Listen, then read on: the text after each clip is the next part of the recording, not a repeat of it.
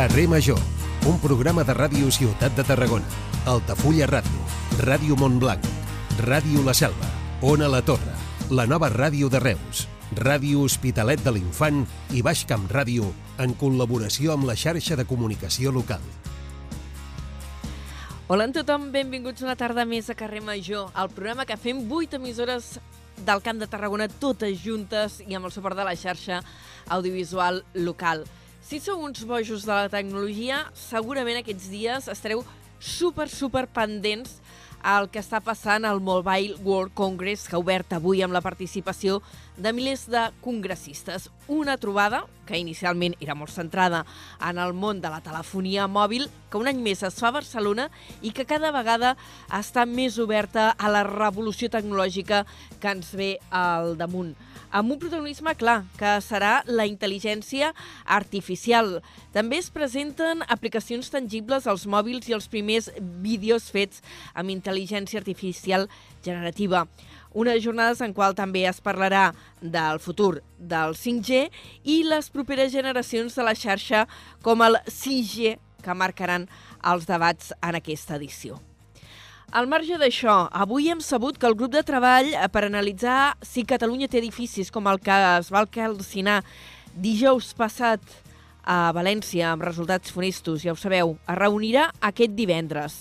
L'objectiu és determinar si aquí al nostre país hi ha façanes aïllades amb poliuretà que faciliten l'expansió del foc en cas d'incendi.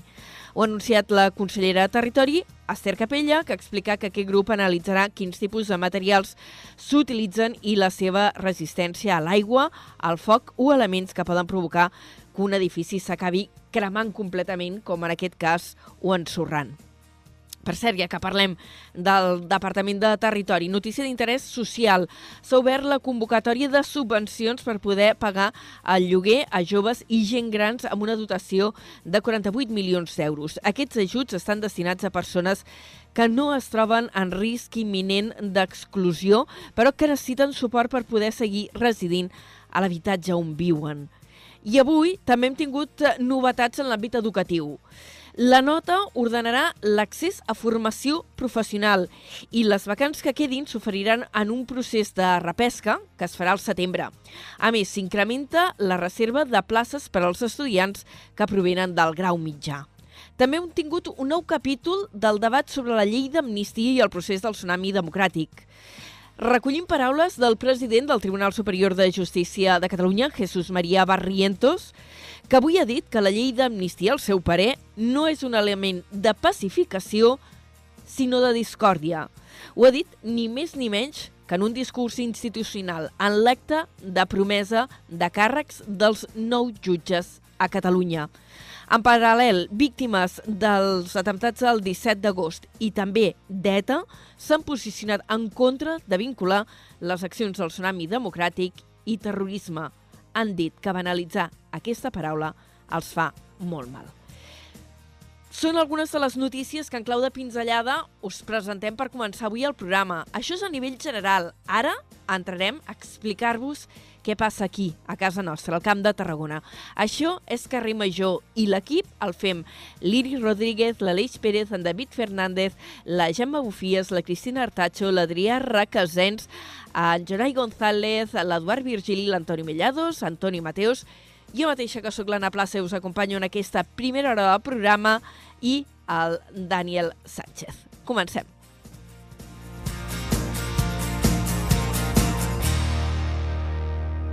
Carrer Major, Anna Plaza i Jonai González.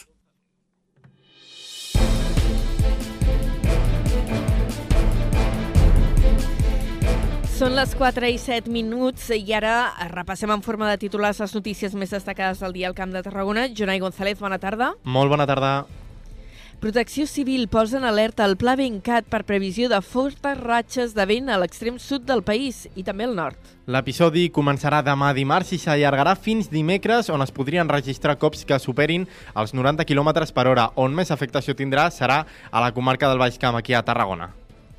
Els pescadors de les confraries de Tarragona, Torredembarra, Cambrils i les cases del Canà fan avui dilluns una jornada de vaga i protesten per les dificultats que tenen, diuen, per tirar endavant la seva activitat. Una seixantena de pescadors s'han concentrat davant la confraria de Tarragona al Serrallo per protestar per l'excés de burocràcia, distorsions en les normatives i també les polítiques de la Unió Europea i del govern espanyol. Els treballadors del 112 de Reus amplien la vaga a tota la setmana. El comitè d'empresa de Reus anuncia que augmenta la protesta per reclamar la internalització del servei. L'alcalde de Salou, Pere Granado, celebra i dona per tancat el debat sobre el projecte Hard Rock. Sota el seu parer, les recents declaracions del president de la Generalitat, Pere Aragonès, donen suport al projecte ja no deixen marge a qüestionar l'aprovació del pla director. Troben una excepcional descoberta al Reial Monestir de Santes Creus. Es tracta de restes humanes d'una desena de nobles catalans que hi van ser enterrats entre els segles XIII i XIV. La troballa permetrà així ara analitzar i conèixer els perfils biològics o també les seves condicions de vida. El Port de Tarragona començarà a finals del mes vinent les obres de restauració de l'espai protegit dels Prans del Vinyana, a tocar de la Pineda. Es tracta d'una de les restauracions mediambientals més importants a Catalunya.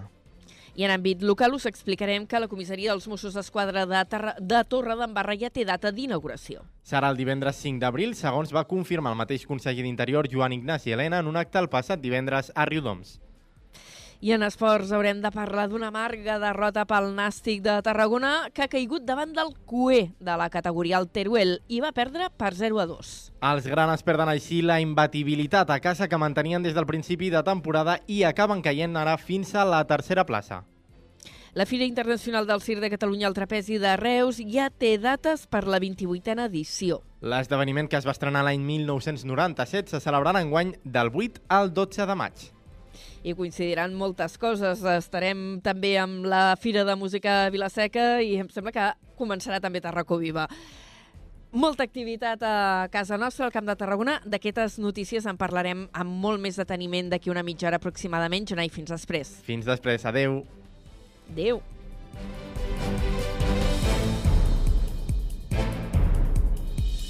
Carrer Major. Toni Mateos.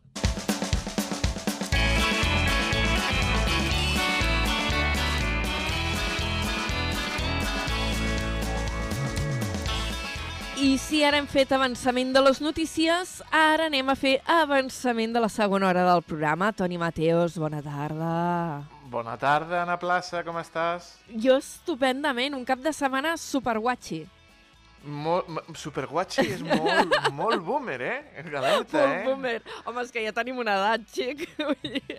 L'alarma boomer acaba de sonar. Uec, uec. Ara Mira. vindran les, les companyes teves de, de On a la Torre, aquella noia que Sí? és jove, no? La... Sí, la Paula, la Paula, La mare Paula de Déu. i- sí, dirà sí, que això. podria ser ma filla. Superguatxi? Superguatxi. Què vol dir? Què vol dir? Superguatxi. Ah, jo també Um, un cap de setmana espectacular. Espectacular. Tu vas anar a veure la Charlie P al final? Va poder fer el monòleg? No, al final Oh, no, Dios. no, no. La Charlie, eh, amics i amigues, eh, va cancel·lar divendres la seva actuació perquè eh, estava afònica. No va poder Sí. eh, entrar en el Ni fer nostre programa l'entrevista? perquè estava afònica i ha traslladat la seva actuació a divendres dia 1 al Casino de Tarragona. Ah, molt bé, aquest divendres. Continuen valent les entrades, les que es van comprar per divendres passat, i estic parlant amb la Carlota, amb la Charlie, per a veure si divendres vinent, o sigui, el divendres dia 1, pot fer l'entrevista al carrer Major, per fi. Molt bé. Se recupera. I, I llavors per què ha sigut tan espectacular el teu cap de setmana? Home, perquè he anat a menjar galeres, xica. Ah, company! He anat a fer un arròs amb galeres. I què tal? Bo? Brrr! Espectacular. Ah, bueno, bueno, bueno, plorant, plorant. No diré, no diré que vam anar a l'Aquamar per fer-li publicitat, però... Ho fan bolli, eh? Hi havia anat alguna Uf. vegada ara fa temps i havia menjat molt bé. Uf, Em- home, Mira, uf. mira, doncs jo hi em vaig fer un fart de calçots Ah, molt bé, eh?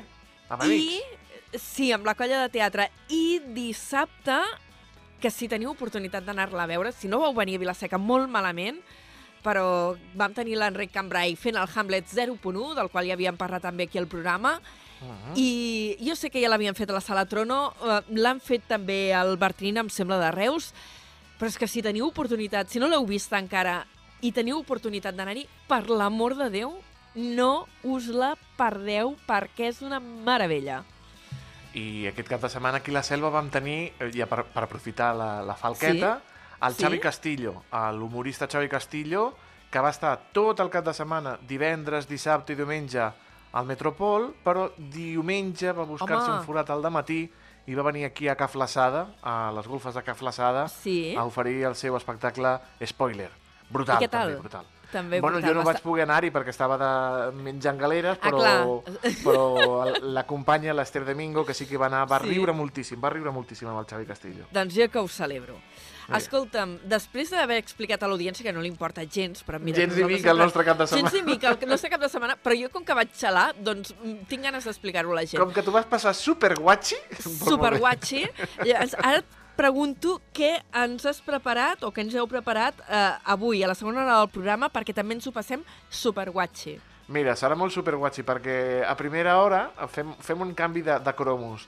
Vindran els tonis a parlar de les novetats del mobile, que com has dit Molt tu al bé. principi, eh, Sí. s'ha- s'ha engegat avui el mobile, Locura. però nosaltres us parlarem de les novetats i de les marques que portaran, que portarà Google, bé, que portarà eh, Xiaomi i tot això. Mm, La Maribel Martínez, la nostra veterinària de Coselva, avui ens parlarà de la processionària, aquesta eruga que sí. apareix en aquestes èpoques de l'any, eh? la tenim abans d'hora perquè, com fa Sí. un temps, ha sortit dels pins ja a buscar eh, el seu caminet i el perill que poden tenir doncs, les nostres mascotes si entren en contacte amb aquesta eruga. Trucarem, eh, parlarem amb el Ramon Balcells, ell és responsable i portaveu del festival Valls Juga, una primera edició d'aquest esdeveniment on es barrejaran jocs de taula, jocs de rol i, i, i, molta, ara que la, els jocs de taula estan tan, tan, tan de moda, Valls Sí. Juga, banda sonora del Camp de Tarragona, avui amb el David Fernández, que ens portarà unes xiques del Camp de Tarragona que es diuen roba estesa. Sí, he vist que havien tret cançó i encara no he tingut temps d'escoltar-la. Vinga, va, pues segona escolta't hora. el David, El escolta't David. el David, que a més a més de posar-nos la cançó, ens il·lustra. I la Molt bé. Doncs avui eh, els pescadors de Tarragona estan de vaga, I eh, tant. han anat alguns a Madrid a protestar, i alguns s'han quedat a parlar amb la Cristina Artacho, mira, la, el president de la confraria parlarà amb la Cristina. De fet, ja en vam parlar divendres passat, eh, que, que parlàvem amb la gerent del grup GAP, GALP, el grup d'acció pesquera eh, d'aquí de la Costa Daurada, i ja deia mm, s'està decidint ara en assemblea si hi haurà aturada. Doncs ja la tenim aquí Ja la tenim i ens ho aquí. explicarà la Cristina. Uh, gràcies, Toni. Tot això a partir de les 5. Gràcies a tu per convidar-me en aquest espai. M'ho he passat superguatxi. Superguatxi. Fins després. Adéu, adéu. Cada tarda de dilluns a divendres fem parada a Carrer Major.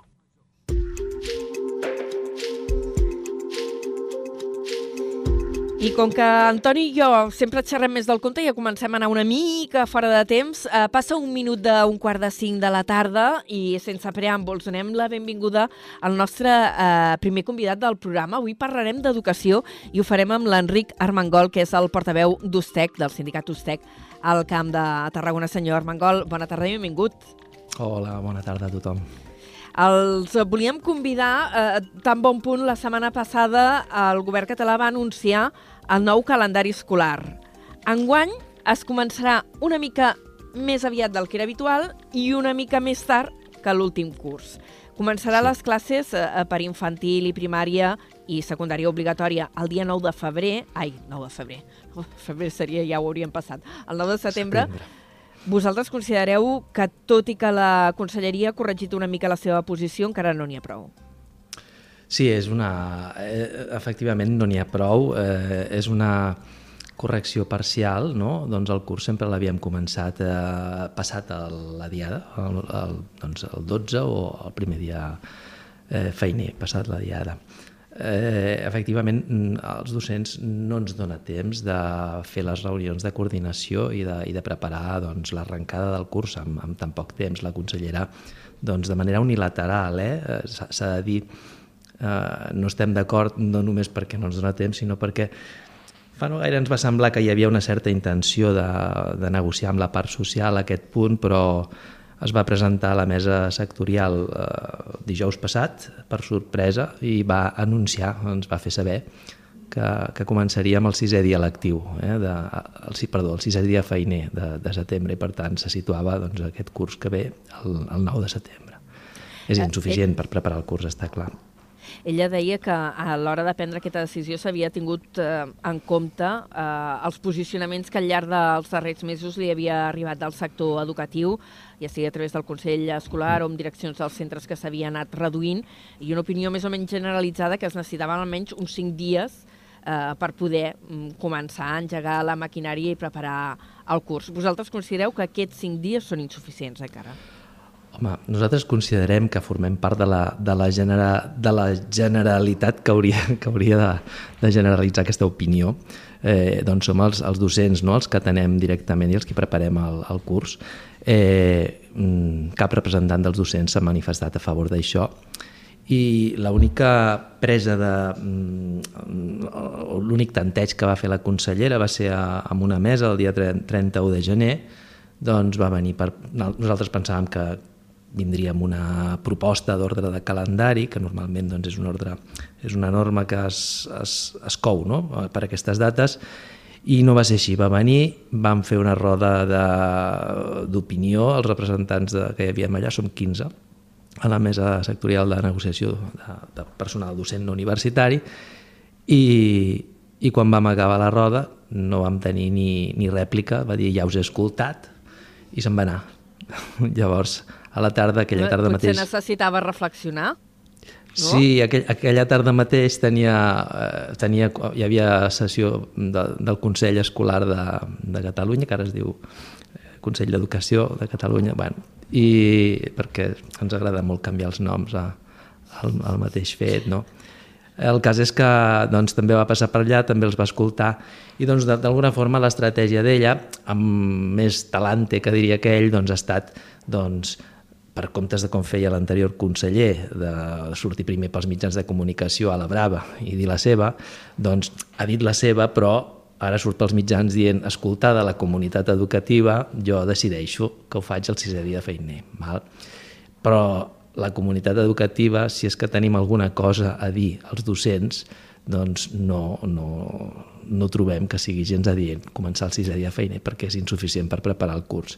No sé si la comissió d'experts, aquestes comissions d'experts que tant els agrada eh, muntar doncs, i que no són docents, alguns d'ells, o fa molt temps que ho han estat, doncs troben que, que és assenyat no? tenir només cinc dies per preparar i per, per fer totes les reunions de coordinació, de traspàs d'informació i tot allò que s'ha de fer, que d'altra banda clar, veiem que la societat potser no, no, no acaba d'entendre no acaba de veure que, que sigui tan necessari, no? Mm, almenys mm, aquesta ha sigut la percepció que hem tingut per part de les famílies, no? O, o que els mitjans, perquè també s'ha de dir que els mitjans de, de, de comunicació treuen una miqueta el que els sembla oportú treure. No? Ha, a mi em consta que hi ha famílies que demanen que els docents tinguem eh, temps per preparar el curs. Uh, I ara què? Perquè veníeu d'un anterior conseller amb qui havíeu tingut una posició molt més de confrontació. Ara semblava mm. que les coses estaven una mica més encalmades. La, aquesta decisió anunciada per la consellera Ana Simó no us ha acabat de d'agradar. Mm, abans hi havia el toc de que faríeu eh, vaga. Eh, ara com, com teniu eh, les posicions? Quina guerra preparem, no? Sí, quina guerra... O, o prepareu guerra o, mira, eh, haurem d'acceptar la decisió tal com ve o perquè sí que havíeu tingut una, una posició molt beligerant amb el conseller anterior, sí. amb el González Cambrai. Ara semblava, per això comento, no? que la, les coses estaven més encalmades. Aviam, hi ha, hi ha, aquí hi ha, hi ha diverses coses. Uh, estem oposats a la decisió de, de la consellera unilateral no, per part de l'administració d'avançar l'inici de, de l'actiu del curs eh, i, i ho trobem realment insuficient. Per tant, lluitarem i seguirem lluitant, com a representants de la comunitat educativa que som per, per part dels docents, doncs per començar eh, d'una manera assenyada, d'una manera que, que, que, que, sigui, que permeti que, que, que puguem fer la nostra feina, que ens puguem coordinar, que puguem fer els traspassos d'informació, que puguem fer tot allò que cal fer, que no es fa en tres dies, ni en quatre, ni en cinc. Val? Aleshores, eh, per tant, ho defensarem i ho seguirem defensant. Mm? Eh, què passa? Mm, home, el conseller Cambrai, tenia uns usos eh, força bèl·lics, per entendre'ns, no? i irritants. Eh, aquesta consellera no els té, d'acord, no els té. Però el que, el que fa no ens plau ni ho trobem assenyat, perquè al, al cap i a la fi estem per, per, per, per oferir un servei de qualitat el millor possible i, i, i, i, i no, no, per, no, és una, no és una posició capritxosa, eh? és una posició per poder eh, realment preparar les coses com, com, com cal. No? Per altra banda, doncs, com, com ho diríem, doncs, si et prenen set dies i te'n tornen quatre, avui els explicava fent acció sindical en un, en un institut aquí a Reus, avui he visitat l'Institut Roseta Mauri, i els deia als companys, home, algun company pot ser que digui, home, està bé, no? Doncs no, no està bé. Si jo te'n prenc set i te'n torno quatre, doncs te n'he pres tres. Per tant, eh, en termes absoluts no està bé, ens falten dies de preparació i, i, era, i són dies que, que fan falta, que no, no és que sigui el nostre desig, eh? és, que és, és que és el que cal per fer les coses ben fetes. I si no es fa així, ben fetes no es poden fer. El que eh, passa és que s'intenta sovint aquí barrejar també el dret de, de conciliació de les famílies, no? de la vida laboral, de, de, de les persones amb, amb, amb, amb l'escolarització.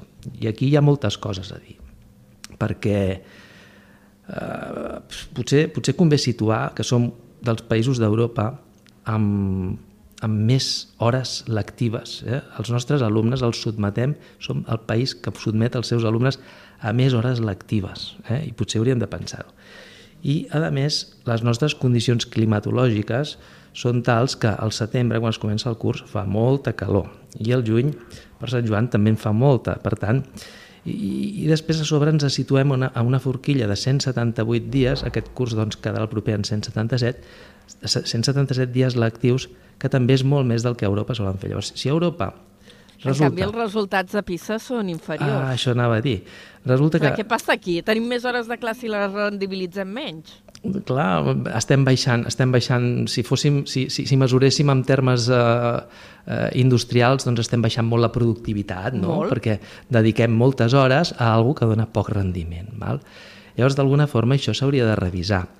Eh, eh, clar, mm, les famílies, doncs, que, que dedica, ens consta que moltes recolzen la, la, la idea de que podem començar com cal, com convé el curs, però n'hi ha d'altres que sembla que el, que el que volen simplement és un servei doncs, d'acollida i de custòdia de, de les seves criatures. No?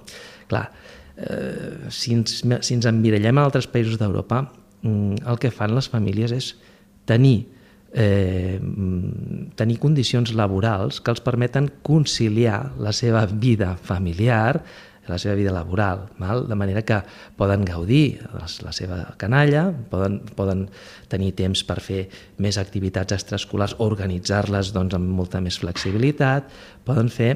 Eh, i, I en lloc de demanar que els seus infants estiguin acollits més hores a l'escola, doncs el, el que fan és demanar doncs que el polític articuli i normativitzi, faci possible que la seva, mm, els seus horaris laborals siguin compatibles amb els escolars. Val? I en aquest país això no es planteja mai, els polítics no ho fan. I les famílies sembla que no, mm, aquesta via no la, no la considerin. No? Uh, senyor Mangol, ara ja estem entrant en qüestions així més, més filosòfiques, però jo li havia Polítiques. preguntat concretament uh, si, si um, si tenen previst fer algun tipus de mobilització o algun contacte sí. nou amb la conselleria. Així, a, a curt termini, ara mateix, a curt termini a curt termini, no el tenim, no el tenim dibuixat, però està clar que plantarem cara a tot això. Això hi ha moltes altres coses, perquè és que tenim, sempre tenim un plec de greuges, no?, per, per, per, per clar... Fixeu-vos que, que a, a, aviam, estem demanant que es redueixin les ràtios i potser quan surten per la televisió els, a, a la conselleria doncs diuen que aprofitant la, la davallada demogràfica que la tenim situada a I3 i 4 eh, doncs baixe, baixarem ràtios. Clar, això a nosaltres ja ens sembla del tot insuficient perquè si hem de baixar les ràtios de batxillerat d'aquí a 12 anys, doncs no, no, no és qüestió d'esperar aquests 12 anys, no? que fem les ah. coses bé, s'haurien d'estar construint centres ara mateix. Què fem? Doncs resulta que tanquem centres, no? Ara fa no gaire, doncs sabíem que les, la, la, la taula de planificació local a Reus eh, entre l'Ajuntament, que és d'un color, no? eh, està governat pel socialista, i la Generalitat, el Departament d'Educació, governat per Esquerra Republicana, fan una mena de reunió secreta en la qual és normatiu que, que ens convidin els, els representants dels treballadors i llavors, això va ser finals de desembre, i decideixen que tanquen una línia d'infantil a l'escola La Vitxeta, a Reus. Mentrestant, doncs, tenim, tenim les escoles concertades blindades amb ràtios molt per sobre del que tindrem les escoles públiques, la qual cosa doncs, potser fora més assenyat repartir-les, però aquests polítics que tenim mantenen des de l'any 93 un decret que blinda no, els concerts i, i la, diguem, la matrícula dels concerts. No? Home, uh, n'hi ha moltes de coses, eh, per, per, clar, vull dir, eh, de fet, ara d'aquest tema que està parlant d'aquest tancament d'una línia infantil 3 a, a l'Escola La Vitxeta de Reus, ara teniu d'aquí no res, d'aquí mitja hora, una, una mobilització a la plaça del Mercadal, no? que per això el tenim situat als estudis de la nova ràdio de Reus. Sí, sí, sí. Ara a les 5 estem convocats aquí al Mercadal. Convidem a totes les famílies que defensin l'escola pública a, a, a venir-hi no estem defensant només l'escola de la Bitxeta, estem defensant totes les escoles públiques de Reus i, per extensió, les de Catalunya. El Perquè que s'ha de fer... Aquesta sí. casuística d'una línia d'infantil 3 que es tanca, no? és una línia que comença i que desapareix, això ha passat en altres municipis. Sí, sí, sí, està passant. A Vilaseca l'any passat es volia tancar una línia, però enguany el que faran serà fondre dos centres i muntar un institut escola que és una, és una amalgama educativa, diguem-li així, que, que no ens acaba d'agradar massa. Eh? Però el departament li fa molta, molta, molta trampera, no? tenir instituts d'escola. La veritat és que nosaltres considerem que és, eh, és bo eh? que, que hi hagi escoles i que hi hagi instituts. Però d'alguna forma és tancar línies. No? Clar, tancar línies també vol dir... Eh, és, o sigui, tancar línies vol dir Mm, no baixa ràtios, és que és així. I el que hem de fer és anar a una, a una, a una educació en la que la complexitat que tenim avui dia a les aules és que exigeix que puguem tenir, que, que haguem de tenir menys, menys alumnes a les aules, també que tinguem molt més personal d'atenció educativa val? i que tinguem una dotació amb recursos humans, econòmics i materials per, per el que diem l'escola inclusiva. L'escola mm. inclusiva, no sé si coneixeu, però és un, és un decret eh, de l'any 17 que, com tants decrets i tantes normes que fan eh, des dels governs, doncs ve sense dotació pressupostària i, per tant, paper mullat. Eh? Mm. Eh, és un decret que, si, si realment s'hi posés els calés que requereix, doncs estaria força bé i podríem atendre tota la diversitat d'alumnat que hi ha, tant, tant per dalt com per baix, tant d'una manera com d'una altra, d'una manera molt més precisa, quirúrgica i, i, i adequada. No? És a dir, mm. podríem tenir doncs, els tècnics d'integració soci social que, que, que fan falta, podríem tenir els auxiliars d'educació especial, que aquest és un altre tema, no? que és el que fins ara en deien vetlladors al Departament d'Educació, ara doncs, com que els agrada molt canviar el nom de les coses, n'hi diuen d'una altra manera, però al final ho subcontracten a una empresa i són monitors que no tenen la formació que han de tenir, o sí, però en qualsevol cas estan en unes condicions salarials realment nefastes. Eh? Són companys molt mal pagats, molt maltractats, que van de centre en centre eh, per, bueno, d'una, des del punt de vista laboral, una situació denigrant, eh, amb una empresa que ni respon ni dona la cara i, i realment són, són figures laborals que en el nostre ordenament educatiu hi són, i estan en aquest decret inclusiva, és l'auxiliar d'educació especial i que el Departament d'Educació hauria de contractar i dignificar i pagar-los i, i, i fer-los, doncs, seleccionar-los en base a una formació, una, una, una, una capacitat a una competència professional. Val? Eh, I així doncs, podríem anar dient tantes, tantes coses doncs, que al final depenen de diners, no? I, de diners i de voluntats polítiques, eh? perquè insisteixo que no tancar, o sigui, que la concertada se senti blindada en que mai se li tanqui cap línia, que la concertada no es vegi mai amenaçada perquè hi hagi una davallada demogràfica, eh, això és voluntat política. Eh? Això és, és un decret que s'escriu i si no agrada es canvia. Llavors la persona el, o el partit el legislatiu que ho canvia mostra un tint polític. És, és així, no? Són, són moltes coses, eh? I llavors potser s'escau recordar que la manca de recursos essencialment també ve de l'incompliment de la norma fonamental que tenim, que és la Llei d'Educació de Catalunya, que és una llei de l'any 2009, que té una disposició final segona, que diu que en 8 anys s'ha d'assolir, i parla, eh, com, com fan els països del nord d'Europa, no? doncs s'ha d'assolir un, un 6% del producte interior brut d'inversió en, en educació a Catalunya. I ara en quan estem? Doncs estem... Mireu, el producte interior brut de Catalunya d'aquest any passat encara no el sé, de l'altre va, va ser 270.000 milions d'euros i, i el, que, el que vam pressupostar per aquest any passat, el, que hem deixat l'any 23, eren 6.800 i escaig milions d'euros. I encara que algú pugui dir, home, és que és, sí, clar, sanitat i educació són les partides més grans. el gruix, sí, sí. Eh? Però, però gruix no vol dir que sigui uh, adequat. És, és que és gruixut, però hauria de ser molt més. Si, si, si, si anem a parar el 6% de, dels 270.000 milions, ens fan falta més de 9.000 milions. O sigui, n'hi posen 6.800, però en farien falta més no de 9.000. No estem ni a la meitat. Estem al 2,5%. I, Senyor... i, i la LEC, la, la Llei d'Educació de Catalunya, a l'any 2009 deia que en 8 anys s'assoliria. És a dir, estem incomplint la pròpia norma bàsica d'educació a Catalunya des de l'any 17. Mm-hmm. De temes d'educació i de com es financia i com s'organitza i com es distribueix eh, també tot el tema de segregació escolar, que seria un altre tema, sí. eh, donaria per quatre o cinc entrevistes. De moment avui n'hem fet una. Nosaltres hem de continuar en el programa i deixem que vagi amb aquesta mobilització que teniu prevista ara d'aquí uns 20 minuts a, a la plaça del Mercadal. Moltes gràcies, senyor Armengol, portaveu d'Ustec, per haver-nos acompanyat avui. A vosaltres, bona tarda. Fins la pròxima. Adéu-siau. Fins la propera.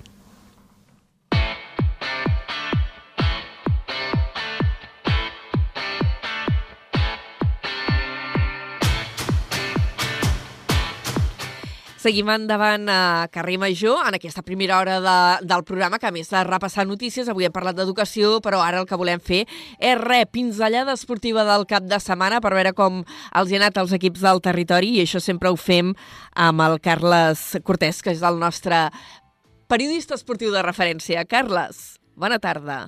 Hola, molt bé, gràcies, moltes gràcies. Escolta, el Nàstic que veníem d'unes setmanes així molt bé, molt bé, molt bé, han sopegat no del tot, però sí que ha perdut el lideratge. Sí, ha causat una derrota a més a casa al nou estadi contra el Teruel, el coet de la categoria 0-2. Eh, sempre diem el mateix. Quan guanyes, guanyes, guanyes, tens una ratxa de bons resultats, de victòries, part, la derrota cada vegada està més a prop. Algun dia has de tornar a perdre. La veritat, però, és que poca gent es podia imaginar que el Nàstic perdés contra el cué de la categoria i a casa aquesta temporada encara no havia perdut. Però el futbol té aquestes coses eh, tan curioses i ja la primera meitat es va avançar el rival, 0-2 fins i tot, va arribar al descans i el Nàstic no va tenir la capacitat de poder remuntar el marcador ni tan sols empatar. És una derrota dolorosa, perquè perds a casa i contra el cué però una derrota que saps que tot l'hora d'arribar. Per tant, aquí el més important és com recondueixes la situació després d'aquesta derrota. El Nàstic és tercer, perd el lideratge, com deies, Anna, ara té 46 punts i està dos del primer, que és la Pontferradina, el Deportiu de la Corunya és el segon. Veurem què és el que passa a partir d'ara. Serà molt interessant veure com reacciona l'equip a una derrota després d'una ratxa de nou partits sense perdre arriba una derrota. És important saber com reaccionarà aquí. Escolta'm, i eh, aquesta derrota ha sigut més per demèrit del Nàstic, per defectes de joc del Nàstic, o per mèrits que ha fet el Teruel? De mèrit del Nàstic claríssimament. De fet, fa un parell de setmanes que estàvem veient que el Nàstic no feia un gran futbol. No jugava molt bé a futbol, però treia els resultats que ara, en aquestes alçades de temporada, és el més important. Però ha arribat el moment que quan no jugues bé, t'arriba la derrota. Recordo que fa un parell de setmanes el Nàstic no va jugar massa bé, va guanyar casa 2 a 1 al Real Unión Grinún. La setmana passada no va jugar massa bé, però va, cap, va acabar empatant un camp difícil, com és el del Sestao, a Euskadi. I a la tercera, que no ha jugat massa bé, arriba la derrota. O sigui que és més per de mèrits propis que no per, per mèrits del rival, que també en va fer, eh? Mm. perquè va tenir ocasions fins i tot per fer el 0-3 i una rematada de cap va en el travesser. Per tant, també va fer mèrits del Teruel, però jo crec que va ser més per de mèrit del Nàstic aquesta derrota a la jornada 25. I la pròxima jornada com se'ls hi presenta? Doncs partit difícil, en un camp complicat d'un equip que acaba de pujar de categoria però que està fent una gran temporada. L'Arenteiro, un equip de Galícia, Arenteiro és una població gallega, ha arribat a la primera federació aquesta temporada, està fent una bon, un bon any, un, una bona temporada, i serà una bona pedra de toc dissabte vinent a partir de les 4 de la tarda. De fet, està a la part alta de la classificació, l'Arentell és el setè.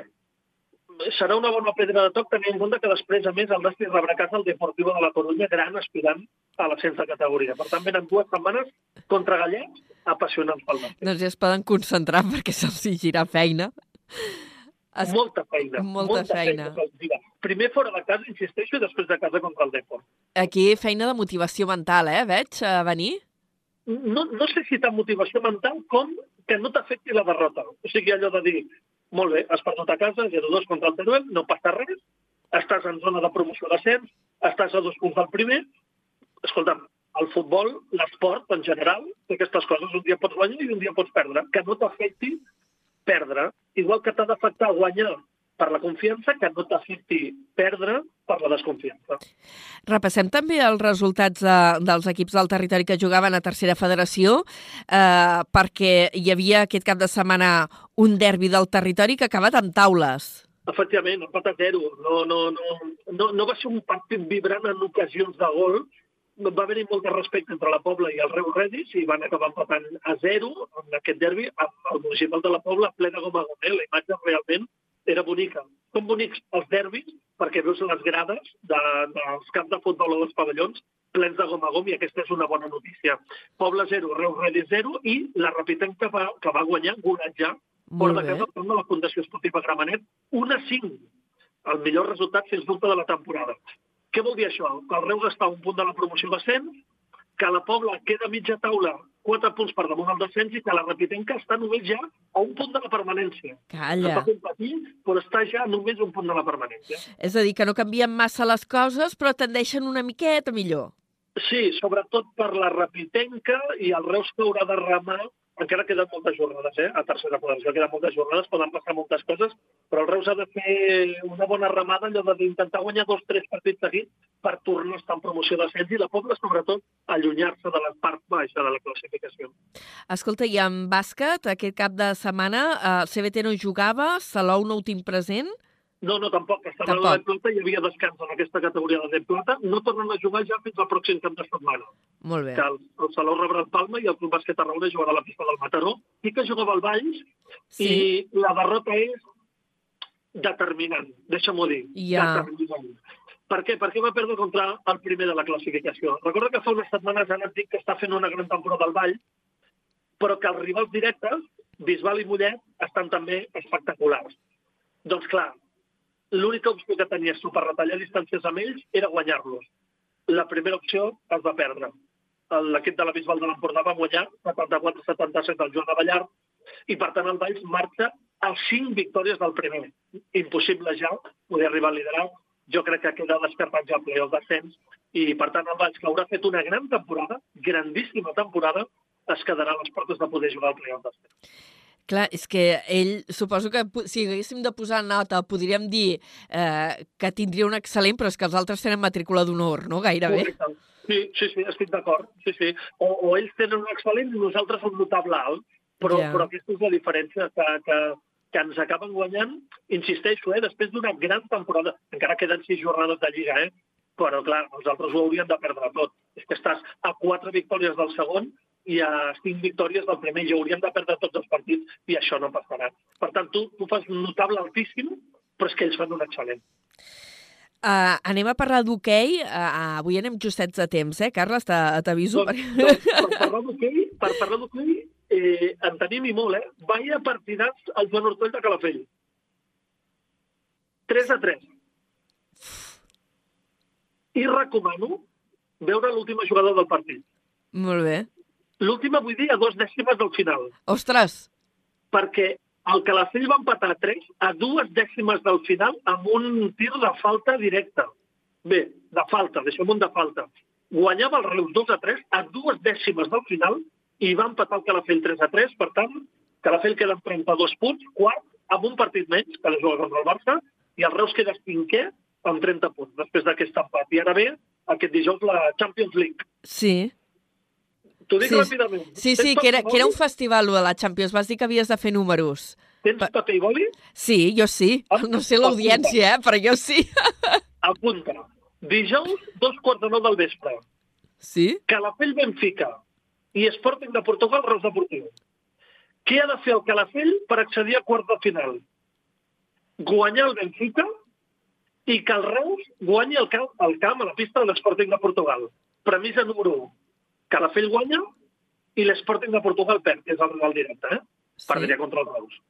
Però a més a més ha de guanyar el Calafell per més gols dels que perdi l'Sporting de Portugal. És un tema de gol average entre el Calafell i l'Sporting de Portugal. Ja. Però no serveix només guanyar.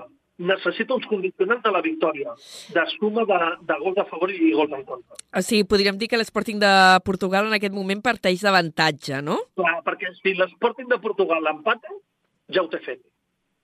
Necessita el Calafell que l'Sporting de Portugal perdi contra el Reus. Dijous, dos quarts de nou del vespre. Però sobretot també el Calafell ha de guanyar el Benfica. El Benfica no juga res. Dijous també a dos quarts de nou del vespre al Joan Mortoll, al seu pavelló. Molt bé. Ostres, això pinta molt emocionant, eh? Serà xulíssim, xulíssim. La, la jornada aquesta serà molt guapa, perquè els dos partits es juguen a la mateixa hora. Serà molt bonica. Ostres, és...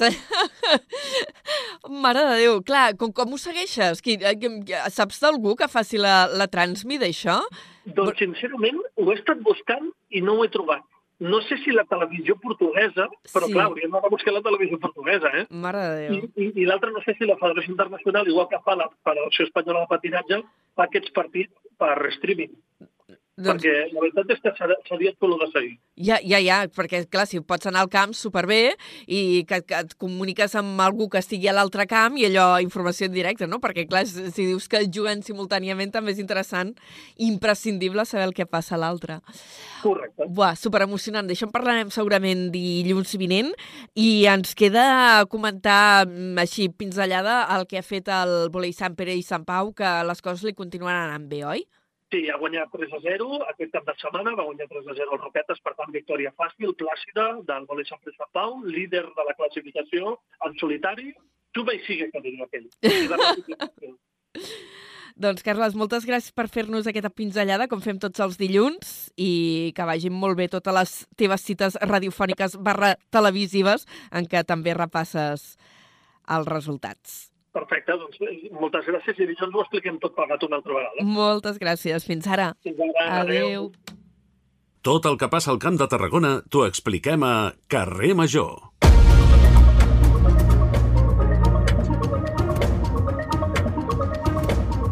Tres quarts de cinc de la tarda i tenim un munt de notícies per explicar. Comencem destacant que Protecció Civil ha posat en alerta el pla Bencat per previsió de fortes ratxes de vent a l'extrem sud del país i també al nord. L'episodi començarà demà dimarts i s'allargarà fins dimecres, on es podrien registrar cops superiors als 90 km per hora. Jonai, bona tarda de nou. Molt bona tarda de nou. Al Camp de Tarragona, les comarques afectades seran sobretot al Baix Camp, també en d'altres punts de la província com el Montsià i el Baix Ebre.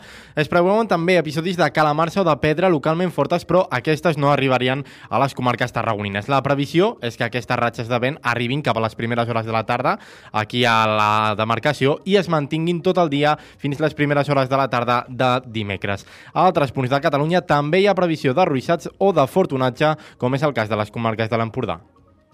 Els pescadors de les confraries de Tarragona, Torredembarra, Cambrils i les cases d'Alcanar fan avui dilluns una jornada de vaga en protesta per les dificultats que tenen per tirar endavant la seva activitat i s'han unit a les reivindicacions de pagesos i ramaders. Una seixantena de pescadors s'han concentrat davant la confraria de Tarragona al Serrallo per protestar per l'accés de burocràcia, distorsions en les normatives i les polítiques de la Unió Europea i el govern espanyol. El president de la confraria, Esteve Ortiz, ha llegit un manifest demanant que no s'imposin més dies d'aturada, més enllà de les vedes biològiques de 3 mesos. Ortiz també ha reclamat un major control del peix que ve de fora per evitar la competència deslleial. quan aquí a les cofradies eh, s'etiqueta i tot està precintat, quan surt fora de les cofradies i va als mercats, ningú controla tots aquests etiquetatges. No sabem el peix si el barregen, si el peix és d'aquí o d'allà. Fem extensiu això com els restaurants. Per tant, demanem també un control fora de les cofradies i, evidentment, a les nostres fronteres, fora de les fronteres comunitàries, que ve sense cap mena de, de garantia. Ortiz ha criticat la duresa de les sancions i ha afirmat que més dies de veda obligatòria suposaria la ruïna per al sector. Finalment, han sol·licitat una reducció de l'IVA per als productes del mar i que s'acabi amb l'escàndol de prohibir als pescadors la captura controlada de tonyina vermella.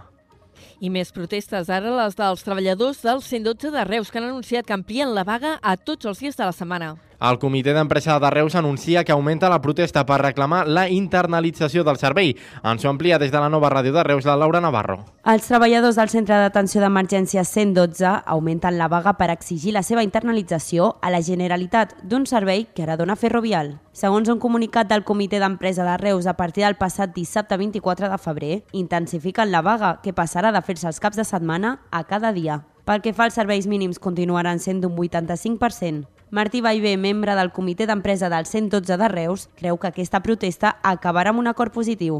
Nosaltres no volem imposar les nostres, els nostres objectius, creiem que cal cedir i ara falta que l'empresa també eh, accepti aquesta manera de, de veure-ho i creiem que ara que els dos centres de, del 112 d'emergència de, de Catalunya estem en vaga i fem vaga cada dia, sembla ara que l'empresa comença a entendre que, que haurà de cedir en, algunes, en alguns aspectes. A més de reclamar la internalització del servei per part del govern, des del comitè d'empresa del 112 de Reus també insisteix en la reducció de jornada de treball de les 39 hores a les 36.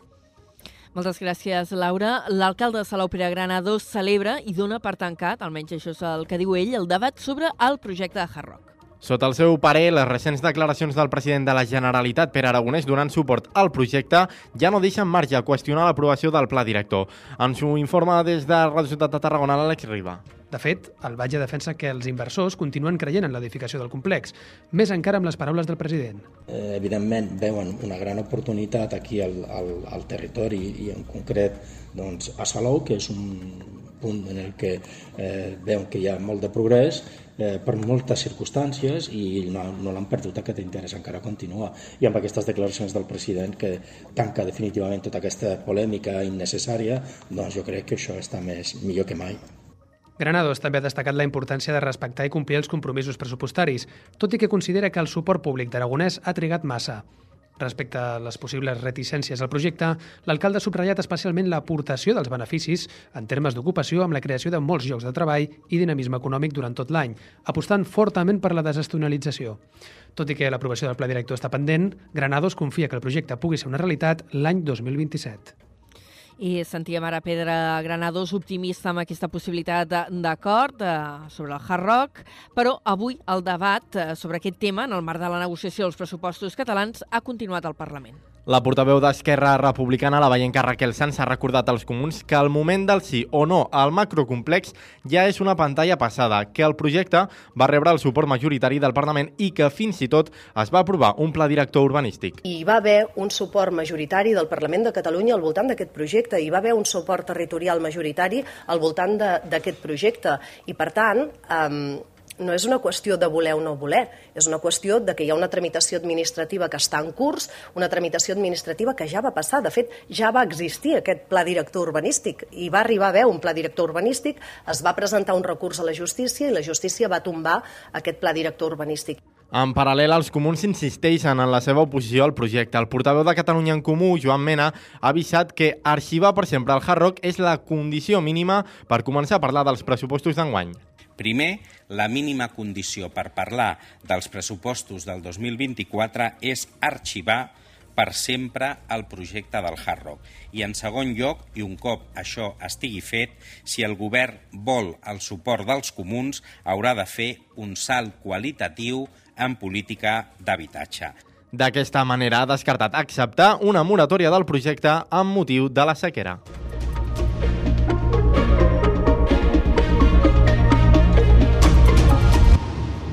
Parlem ara d'una descoberta excepcional que s'ha fet al Reial Monestir de Santes Creus. Es tracta de restes humanes d'una desena de nobles catalans que hi van ser enterrats entre els segles XIII i XIV i que permetrà conèixer els perfils biològics i les seves condicions de vida. La descoberta s'ha realitzat en el marc de les obres de restauració del claustre gòtic iniciades l'abril passat i després de desmuntar un total de sis sarcòfags. Segons l'equip d'arqueòlegs i antropòlegs, es tracta d'una troballa excepcional per la uniformitat cronològica i de classe social i també pel bon estat de conservació de totes les restes.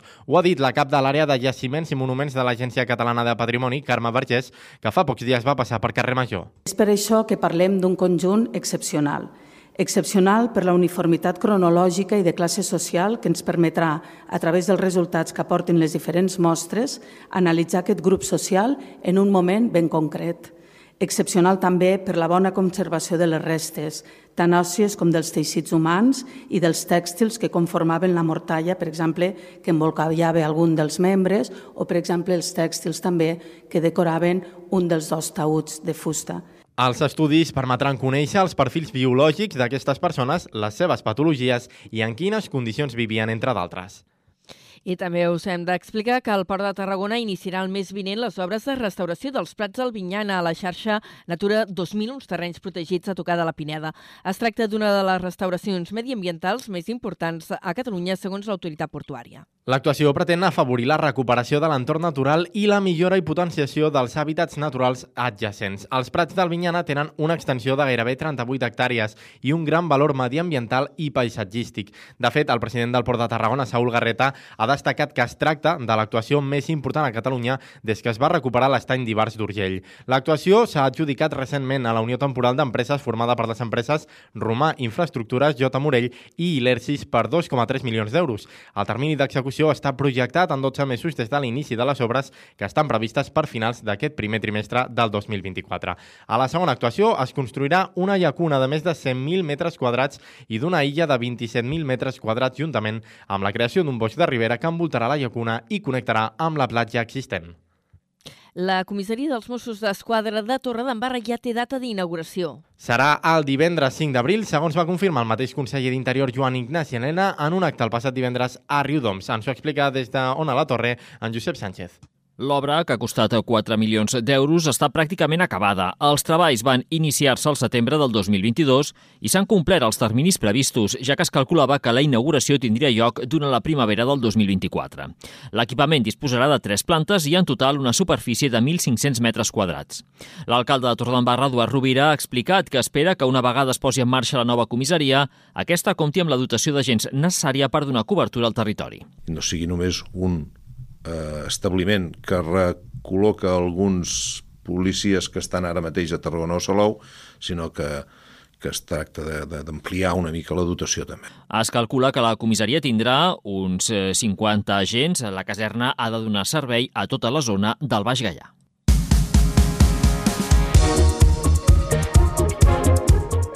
En esports, dos apunts breus eh, de prèvies i resultats. D'una banda, el Nàstic eh, de Tarragona eh, ha perdut davant del cué de la categoria, el Teruel, per 0 a 2. Els granes perden així la imbatibilitat a casa que mantenien des del principi de temporada i acaben caient fins a la tercera plaça. I d'altra banda, els eh, ganxets eh, de tenis taula eh, disputen a la Copa de la Reina amb un partit important d'aquí a una horeta. Així és, comença el partit de semifinals de les Reusenques que aquest matí s'han imposat als quarts de final al Tecnigent Linares per 3 a 1. En el partit que dona accés a la final de demà s'enfrontaran a un altre equip andalús, el Club Deportivo Priego. En aquesta competició que s'està celebrant a l'anella mediterrània de Tarragona ja tenim dos medalles tarragonines. Renata Sipsa s'ha proclamat campiona infantil i Maria Jani Molina plata en categoria la vi. I en cultura, un últim apunt. La Fira Trapèzia de Reus ja anuncia calendari. Es farà del 8 al 12 de maig amb la participació d'una quarantena de companyies nacionals i internacionals i amb la direcció de nou d'Alba Serraute i Cristina Cazorla. Tanquem així la primera hora. Fins ara.